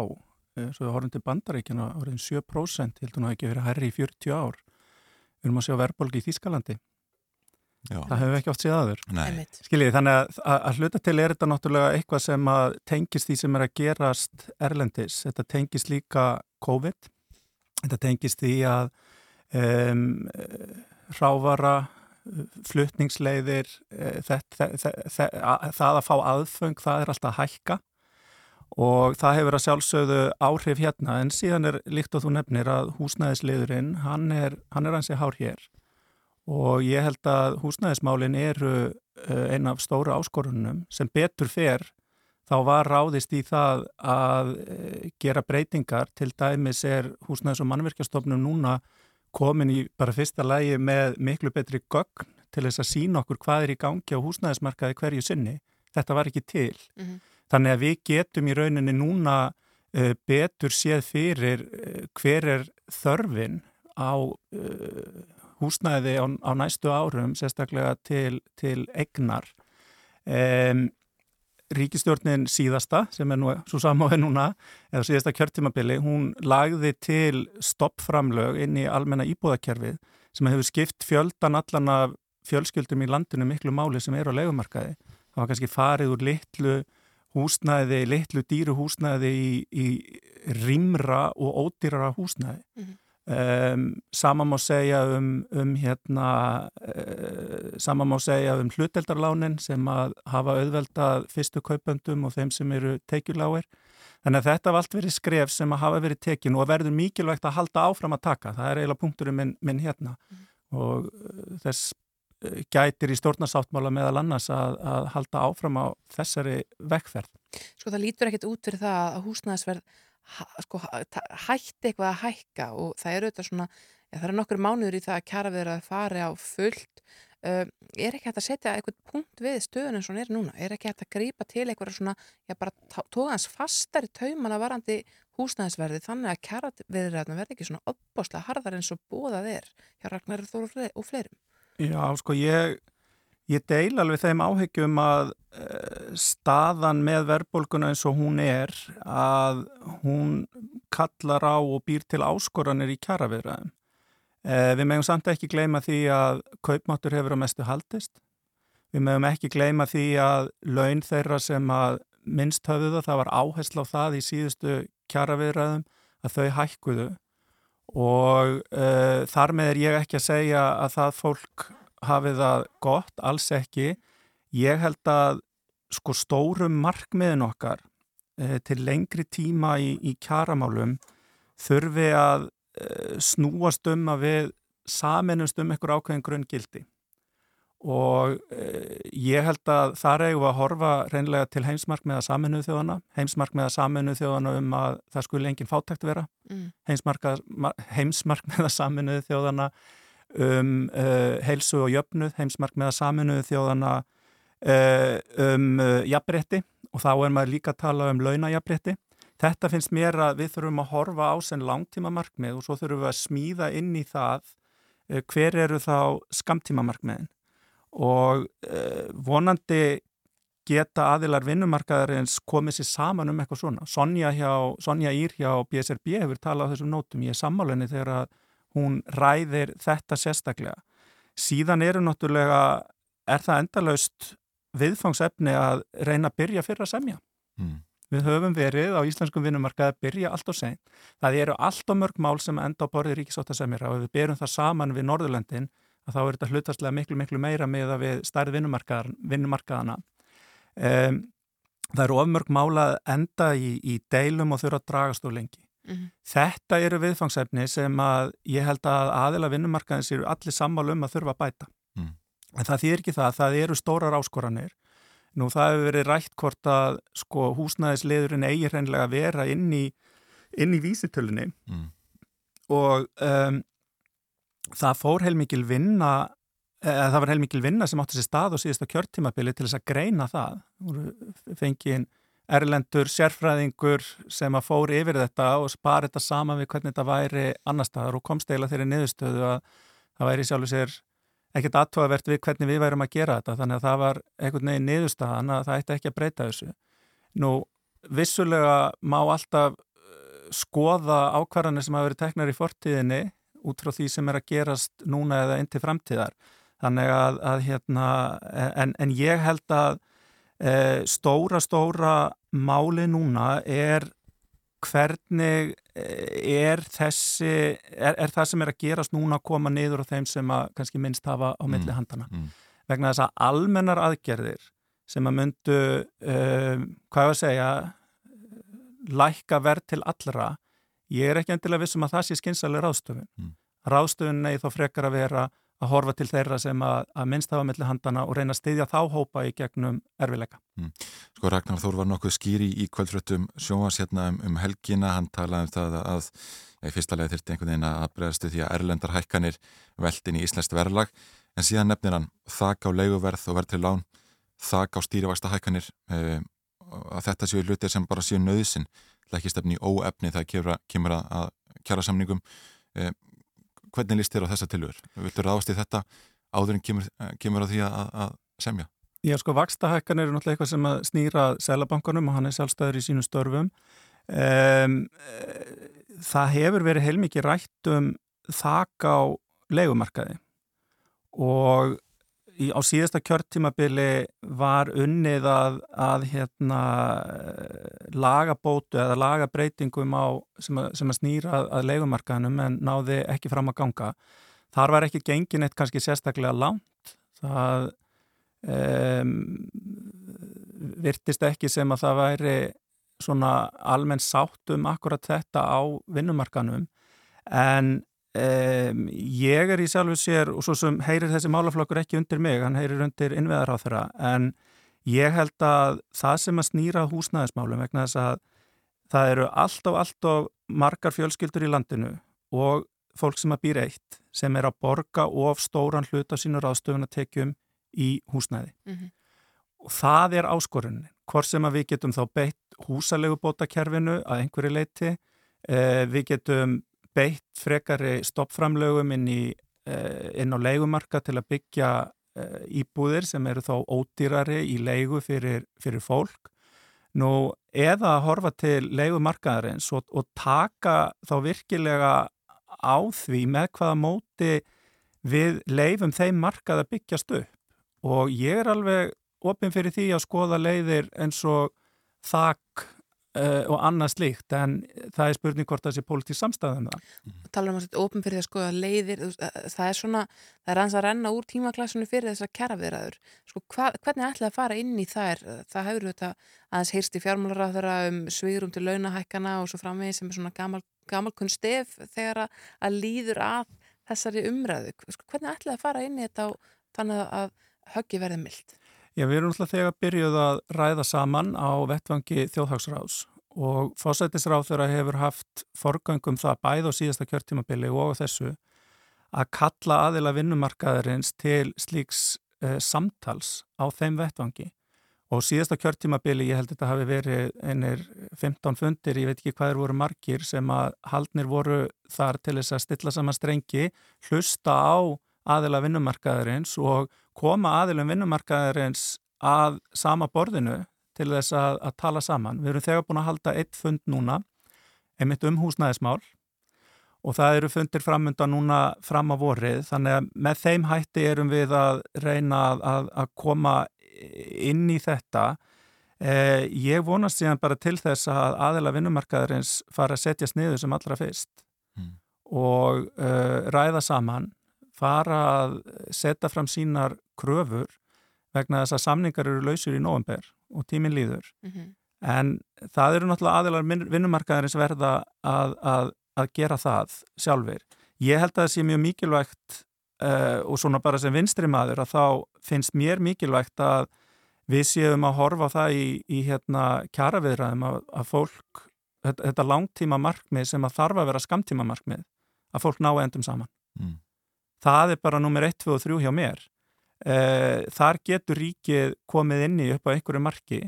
Eins og ég var að nefna hérna leiðir á, áðan í húsnæðismálum sem eru gríðarlega stór og mikilvægur málaflokkur þegar, kemur að, að uh, jöfnuði.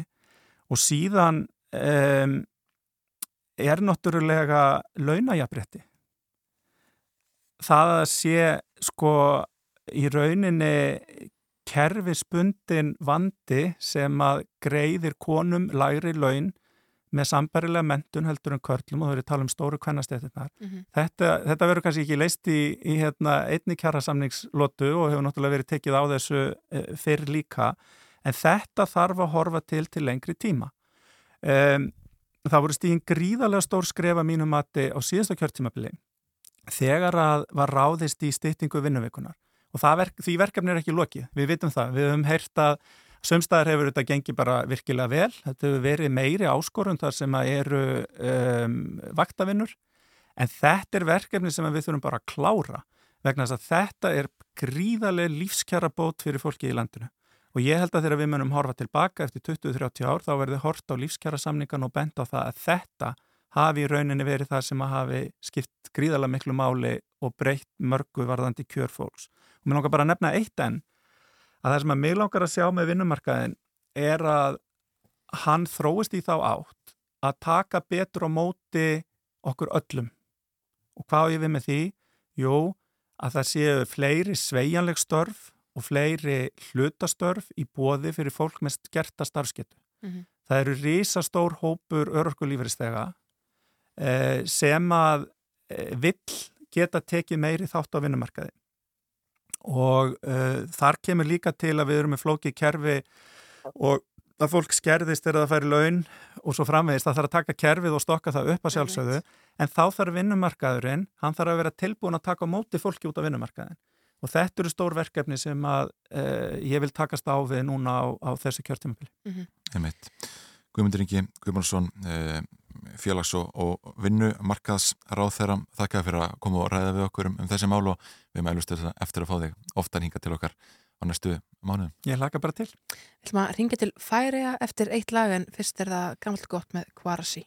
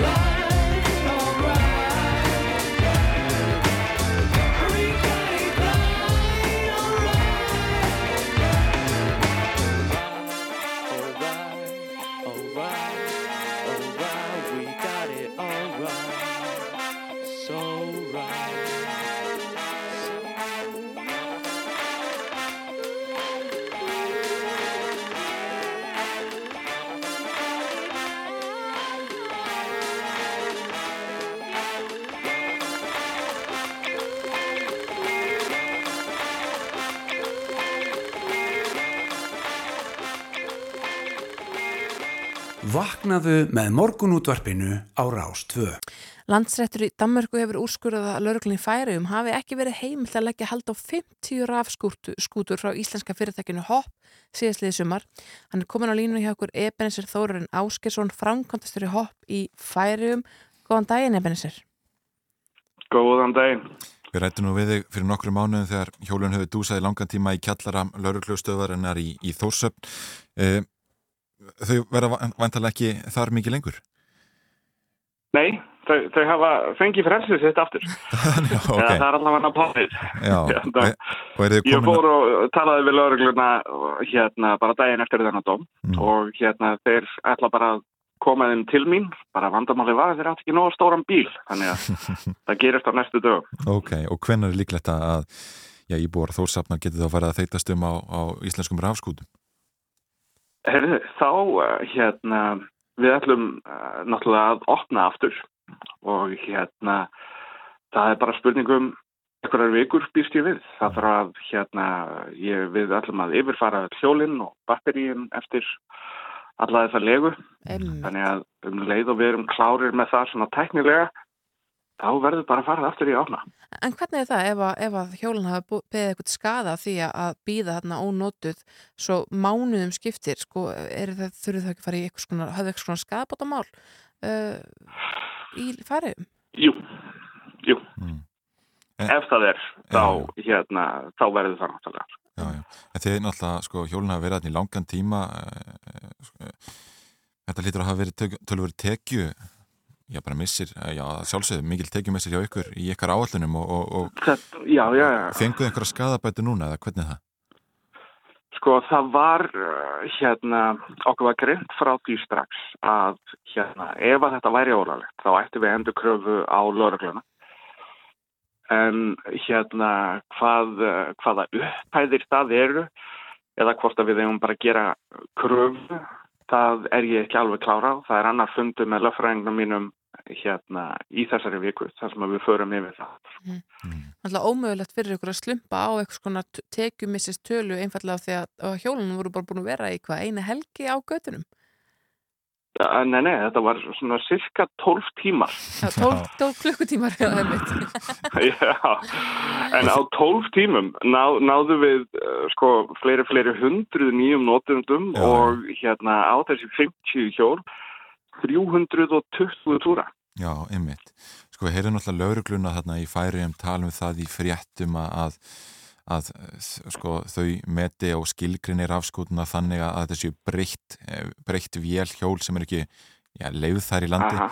Eh, hver- er niðurstað síðan landsréttar í Danmörku? Eh, Herðu, niðurstaðan var að uh, nú er þetta algjörlega sleið úr höndunum að já, þeir meiga ekki flokka þetta sem pocketbag, af því að þetta er það náttúrulega ekki. Og landsréttur spurði hvort að hérna, þeir báðu um hérna, fylgigögn í hérna, desember þar sem að þeir spurðu hvort að þetta væri einu lögin og fórsöndunar sem að lauruglan hefur verið að nota fyrir þessari upptöku. Mhm. og lauruglan saði já, við getum tólkað þetta hvernig sem er og þetta er það sem við notum, þetta eru lögin. Og landsréttur sló það úr höndunum að þeim og sagði nei, þið getið ekki flokkað þetta sem pocketbag og því er því eru öll vottur sem að þeir hafa í hendi varðandi þessa upptöku bara fallinu. Einmitt. Spennandi tímar fyrir hopp í færiðum, hjólun væntalega á götunar bara eftir nokkrar vikur. Ebanisir Þórun. Áskjesson, frangotastjóri. Takk kærlega fyrir að vera á línunni hjá okkur. Ekki máli. Takk, takk. Við fyrir að skipta yfir á frettastofuna og ræðum svo við Sindra Sindrason og Jenny Kristínu Valberg um nýja sjónvarsþætti um heimilsöpildi. Já, já, einmitt, en skiptum yfir í fréttafilitt núna og síðan, já, já, nóg framöndan. Nó framöndan.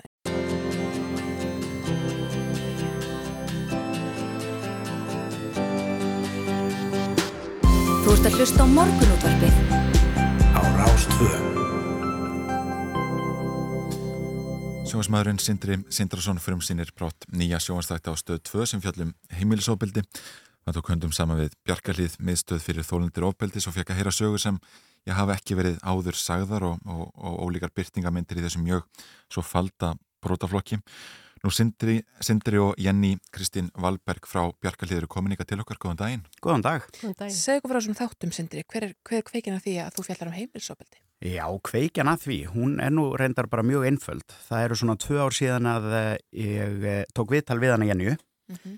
og fekk að heyra hennar sögu, ábeldi sögu og hérna eh, eftir þetta þá vorum við bara í ágættu sambandi og hérna og það urðu fleiri reyndar innslug svona í kringum þetta eftir þetta innslag og við byrjum bara að fara í kaffi og byrjum að tala um þessa mál og það var mjög margt sem kom á óvart og þegar kannski við hugsum um heimilisofbeldi og, og kannski réttilega þá hugsum við um mann sem lemur konuna sína. Mhm.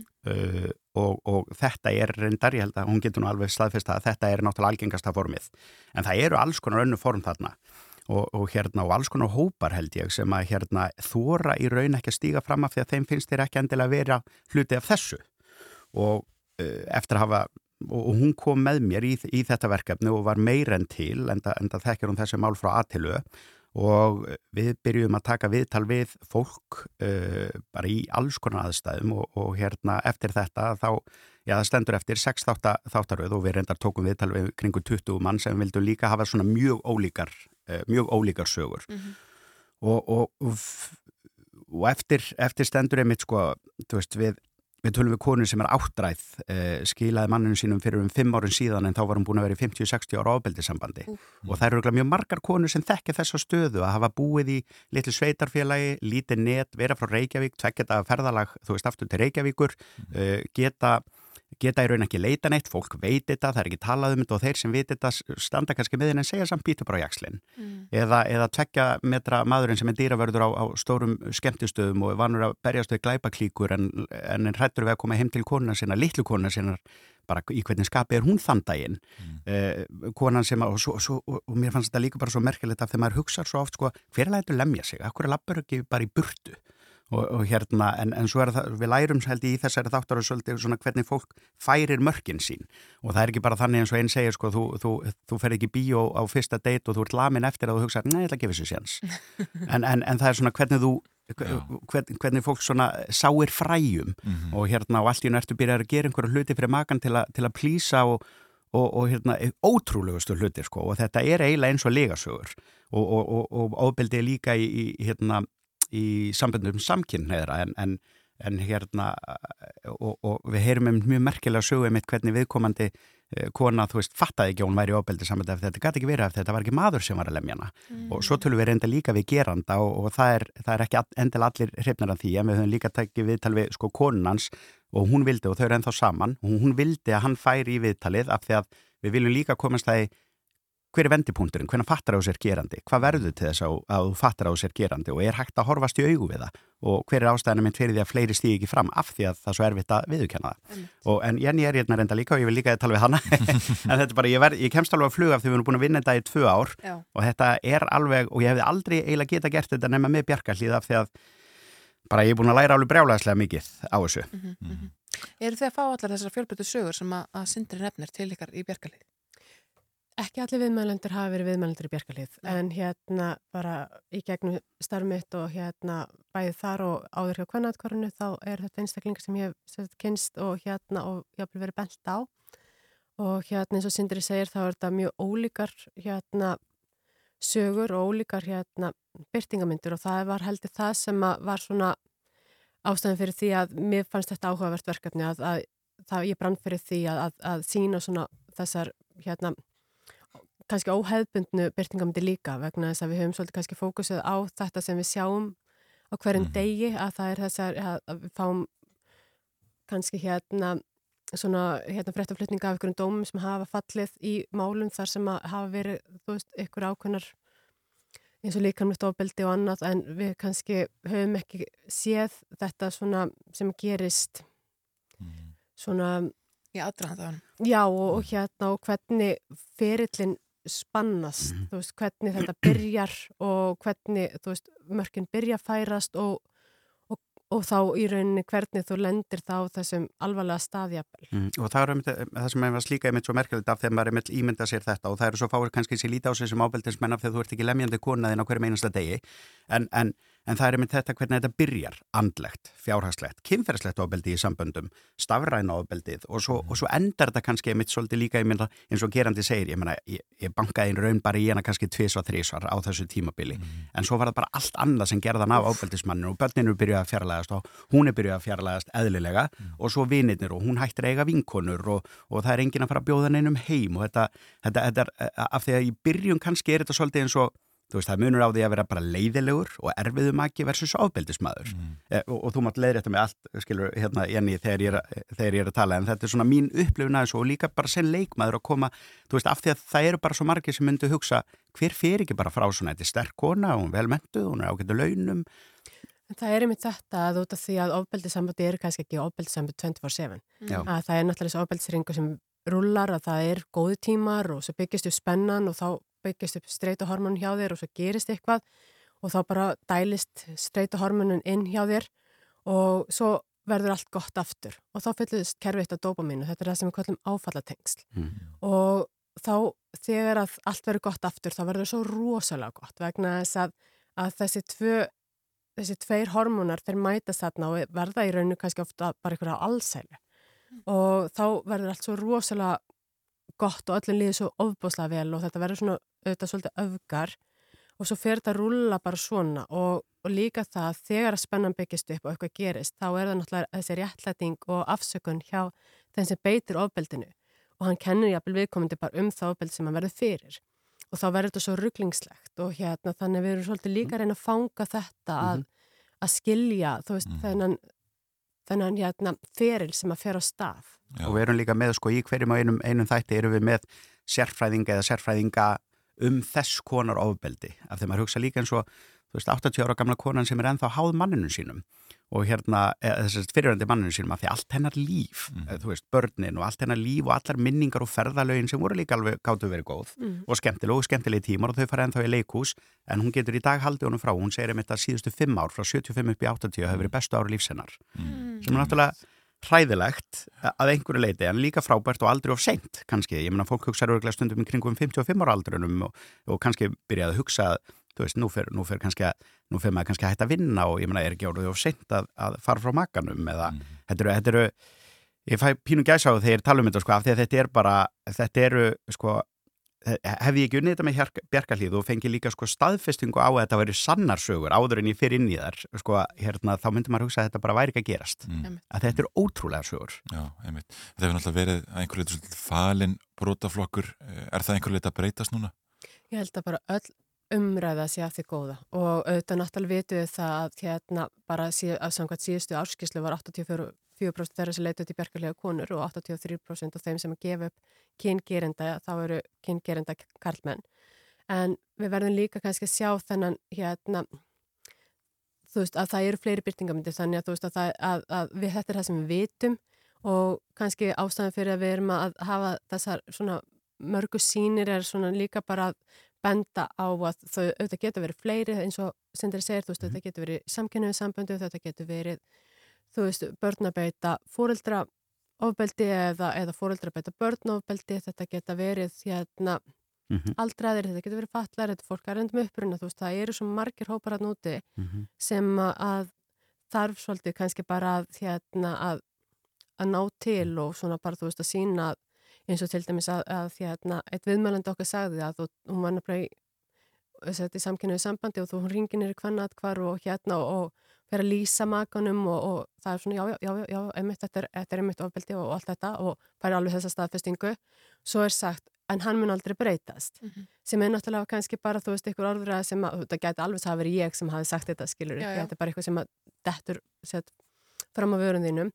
En þá er mitt lagðum bara á og hugsaði, ó, þetta á ekki við mig Mhm. vegna þess að minn gerandi svo sannlega ekki kallmaður Mhm. þannig hérna, ég held að það hefur líka Mhm. verið það, þú veist að svona aðeins að opna á þetta, að það geta verið það er, er líka bara svo margt í þessu sko þegar maður er að hlusta á sögurnar og þá sem er, þú veist, tilfinningarnir er svo skrítnar uh, finnst manni af því að til dæmis einn sem er misnotað af pappa sínum í einhverju nýju ár, alveg þegar tónum 14 ára á hverjum einasta degi, nöðgæði henni jafnvel daglega Jesus. mammenar á sama tíma barðana eins og harfisk á hverjum einasta degi og hún segir, í raun þótt henni vætna um pappa sinn vegna þess að henni fannst hann þó gefa hann sér einhvers konar hlýju á meðan mamman, já, ég veit það, þú, þú ert að hrista á hausin og ég skilða vel, á meðan sko, af því, af því að svo segir maður, en þú veist að þetta var ekki hlýja, já, já, ég veit það, þetta var bara betra heldur en að vera kildur.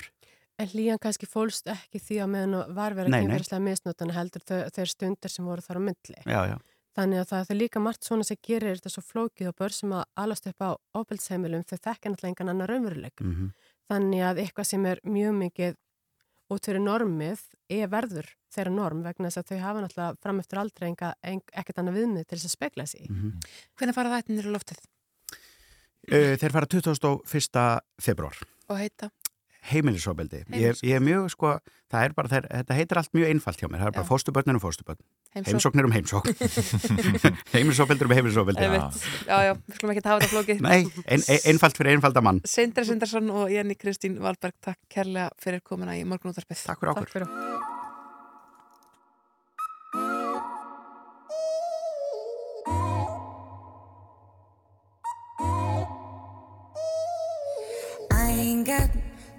Much time to spare, but I'm in time for you to show how much I care. Wish that I would let you break my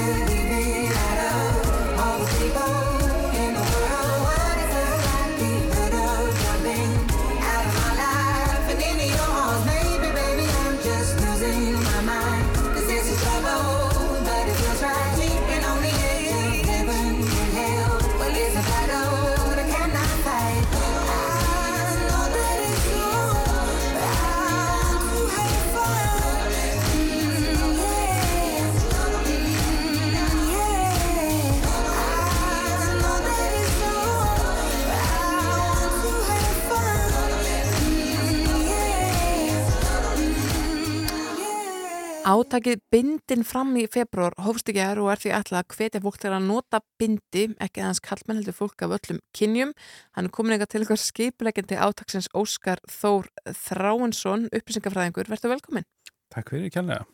Sko, hvað getur þú sagt okkur um, um þetta átak bindin fram í februar? Hvernig byrjaði þetta og, og, og hvert er markmiði? Heyri, hugmynd er svolítið að benda á þetta sem skemmtilegan valkost.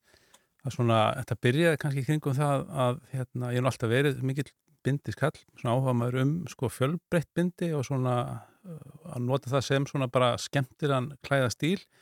En það var ákveður tímabili sem svona kom svolítið neikvað umræða. Það var að vera Mm. afnum að bindiskild á alþingi og, og svona fólk tengdi þetta kannski getan við eitthvað svona stopnarlegt eða formfast og þú veist einhvern veginn fastareirt Mhm. en þá var kannski átækinu ætlað og er enn svolítið að benda á hvað þetta er raunni sko fjölbreyttur klæðamáti Já, já. það er ekki bara það að mæta með bindi vinnuna heldur líka bara svolítið leið til þess að hérna, hafa hana gaman að lífinu og hérna klæði sér skemmtilega Já, já. Og, og tjási einhvern veginn, bindin eru svo mismunandi. Já, það er með, bindin, þau eru sko alls konar, þau eru stutt og löng og litrík og röddótt og köflótt og, og þver og, og, allt saman sko og, og til sko af öllum mismunandi sko tískustílum bara gegnum tíðina. Þannig að það er alveg ótrútt úrval til sko sem hægt er að mattsa saman líka við alls konar annað. Einmitt. En sko það má fara rauk fyrir því að bindi séu tilgangslösa einhver leiti þar að þau eru bara til skrauts ekki satt. Mhm. Þau hafa þjóningum öðrum tilgangi í klæðaburð ekki svo skýrtan, mm. heilurnaði brjóstkassan og buksunar rassin.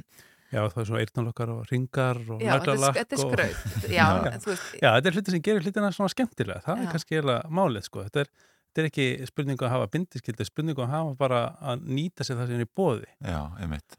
Og varandi einmitt, sko, svona klæðastíl manna, kallmanna, þá kannski hefur þetta einmitt verið svolítið, þú veist, einlitt skirta og, Mm. hérna, þú veist, röndótt bindi.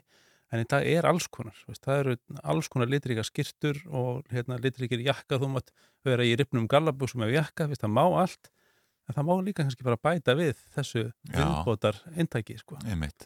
Sko, þú, þú situr hérna mót okkur með, með fallet eh, svart og raukt bindi síns mér hérna. Eh, Eh, blátt blá- og er marglitt, Ég sit aðeins sko. lengra frá þér. En, en einmitt skrautlegt og líflegt og, og fallegt. Hva- Hvað þú sjálfur mörg bindi og, og, og ert, ert að vinna með nýtt bindi okkur með einsta degi þessi mánuði? Já, sko, ég á ansi gott safn. Ég erði nú meðan annars safn eftir afa minn sem Já. ég held mikið upp á sem eru frábær 70s bindi. Það er svona uppáhaldi mitt. Þannig ég nota þetta tækjafærið og nota sitt hvort bindið hverja einsta degi í februar. Sitt hvort bindi á okkur minnst. Já, veist, mismunandi bindi á hverjum degi. Já, sagt, á, sko. ekki tvö á dag.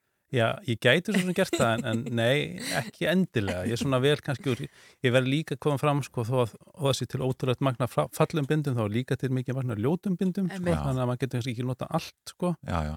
En það er annað sem við náttúrulega líka að tala um, sko, um endritingu veist, og, og tískuströma að hérna, það er svo margt sem að kemur aftur og breytist og uh, sumt hérna, endur nýjast vel og annað ekki en það er alveg til gomma af gömlum bindislegarum inn í hillum og skúfum hjá fólki og það eru hérna faldir fjarsjóður sem hægt er að taka upp og, og endur nýta og hérna taka upp aftur. Bara sem dæmi, nú náttúrulega hérna eru allir að horfa á verbúðina og, svolítið að horfa á sko áttunda áratögin Já, já. Þú veist, það var ekki öðrum þætti sem var hérna jú, jú. Luxus. sko á forsíðun og Lux tímaritið er kona með bindi Já. Þú veist, áttunda áratögin var þetta svolítið inn það kemur svona í hérna sveiflum ég held að það væri bara kjör eða nýta tækjafærið og hérna taka bara jafnvel þemata í þetta Já.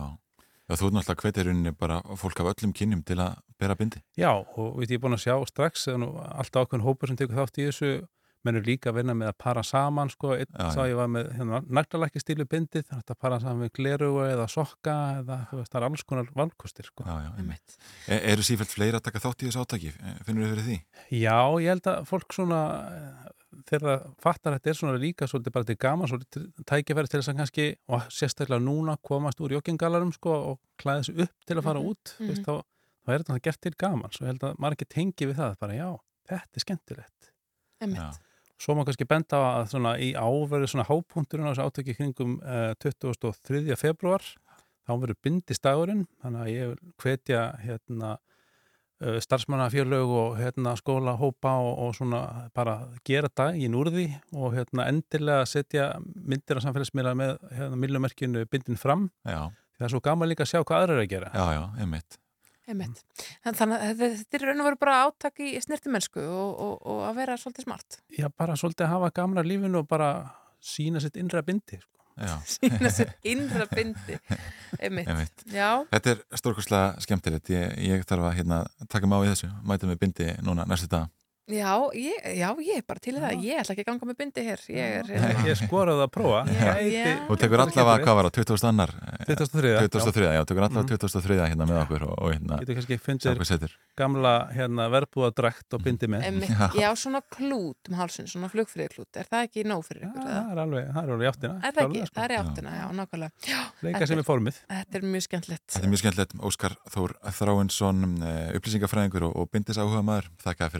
Hjá okkur í morgunúttarpinu. Takk fyrir. Uh, við erum búin að fara yfir uh, margt og mikið í þætti dagsins, einhver. Jú, það er alveg óhætt að segja það við rættum hérna við ja, Guðmundinga Guðbrandsson, félags- og vinnumarkaðsráð þeirra. E, hann talar um miklar áskorunir sem eru framöndan í kjæra samningagerð. E, við ringdum einni til Færiða í Ebenezer Þórarinn Áskilsson. Hann er framkvæmdastjóri hopp í Færiðum og áður rætt við hann um, um stöðuna á e, raf skútumálum þar en, en landsettur í Danmörku var um þetta úrskurða að lauruglunni í Færiðum Já, hefði ekki verið heimilt að leggja hald á 50 rafskútur frá fyrirtækinu. Já, og gæðir getur þetta að fara í skadabótamál út af þessu máli á því að mögulega hafa rafskútunar, já bara rafmagniðið þeim og svo fara með þess skada. Það er alltaf að ljósta íbúar þósafnar munu þeitastum á íslenskum rafskútum innan skams. En mitt svo töluðu hann Einar Þór Jónsson framkvæmtastur að hái vaffsamtakana af því að já, þau ánægulegu tíðindi bárust bara í gær að Livjafraflandin Moderna væri byrjaður að prófa bóluöfni gegn hái vaff á fólki. Hann sagði sjálfur að hann væri að eiga um þessa myndir eða fljótlega 35 ára hái vaff afmæli eins og hann orðaði það. Uh, Þannig að það er búið að býða ansi lengi eftir þessum uh, tímumótum. Já, já, einmitt. Við rættum einni við Ragnar Edvardsson, fordlega fræðing við rannsóknarsetur Háskóla Íslands í Bólungarvík. Hann hefur náttúrulega ekki mikla aðteglu fyrir rannsóknir en neðan sjóvar við hornar kvalstöðvar erlendara þjóða við strendur landsins. Við rættum við hann svona um rannsóknir á sögunni sem gemdur á sjávarbotni og nýtt doktorsverkefni þar sem áhuga kafarar eru hvatið til að taka þátt í fordlefa rannsóknum neðansjávara að skrásetja menningar minjar þar. Og svo er í dag alþjóðlegi Votlendis dagurinn. Hún var á línunni hjá okkur Þórun Wolfram, doktor í umhverfisvæðum og sviðstöru hjá landgræslunni til að tala um bara mikilvægi þess að endurhemta Votlendi og vistkerfin sem að, í Votlendinu búa bæði plöntur og ímessar dýrategundir sem að, að hérna, nýta sér Votlendi til þess að lifa við sína kjör aðstæður. Já, já. Gríðilega mikilvægt loftslagsmál. Já, já. En það kom að lokum hjá okkur í dag. Við förum að þakka fyrir okkur, uh, skiptaður á frettastofuna, Þórður Helgi verður hérna eftir, ekki satt? Jú, jú, emitt, emitt og uh, já, já, en fyrst nýju fréttir uh, ég held að það sé bara rétt að þakka fyrir samfélagin í dag, við verum hérna aftur á morgun tímyndir í sjö og til klukkan nýju eins og alla virka. Emitt, þátturum verður aðgengilegur á vefnum hér rétt að skömmu og uh, þeim með endilega hafa sambandi gegnum tölupost morgunúttarpið at roof.is. Takk fyrir okkur. Wait a minute, this love started off so tender, so sweet. But now she got me smoking out the window. Must have spent 35, 45,000 up in Tiffany's. My whole crib like it's Chuck E. Cheese. Whoa, whoa! Put me in the jam with an X-Men in the UFC.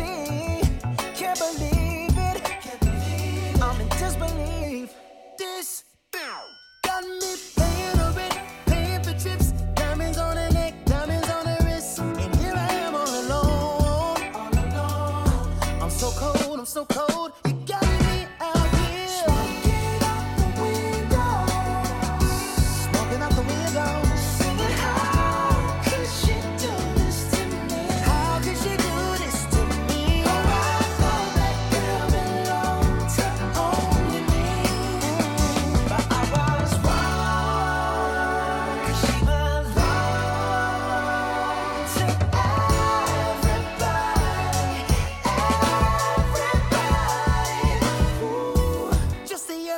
She was gripping on me tight, screaming Hercules.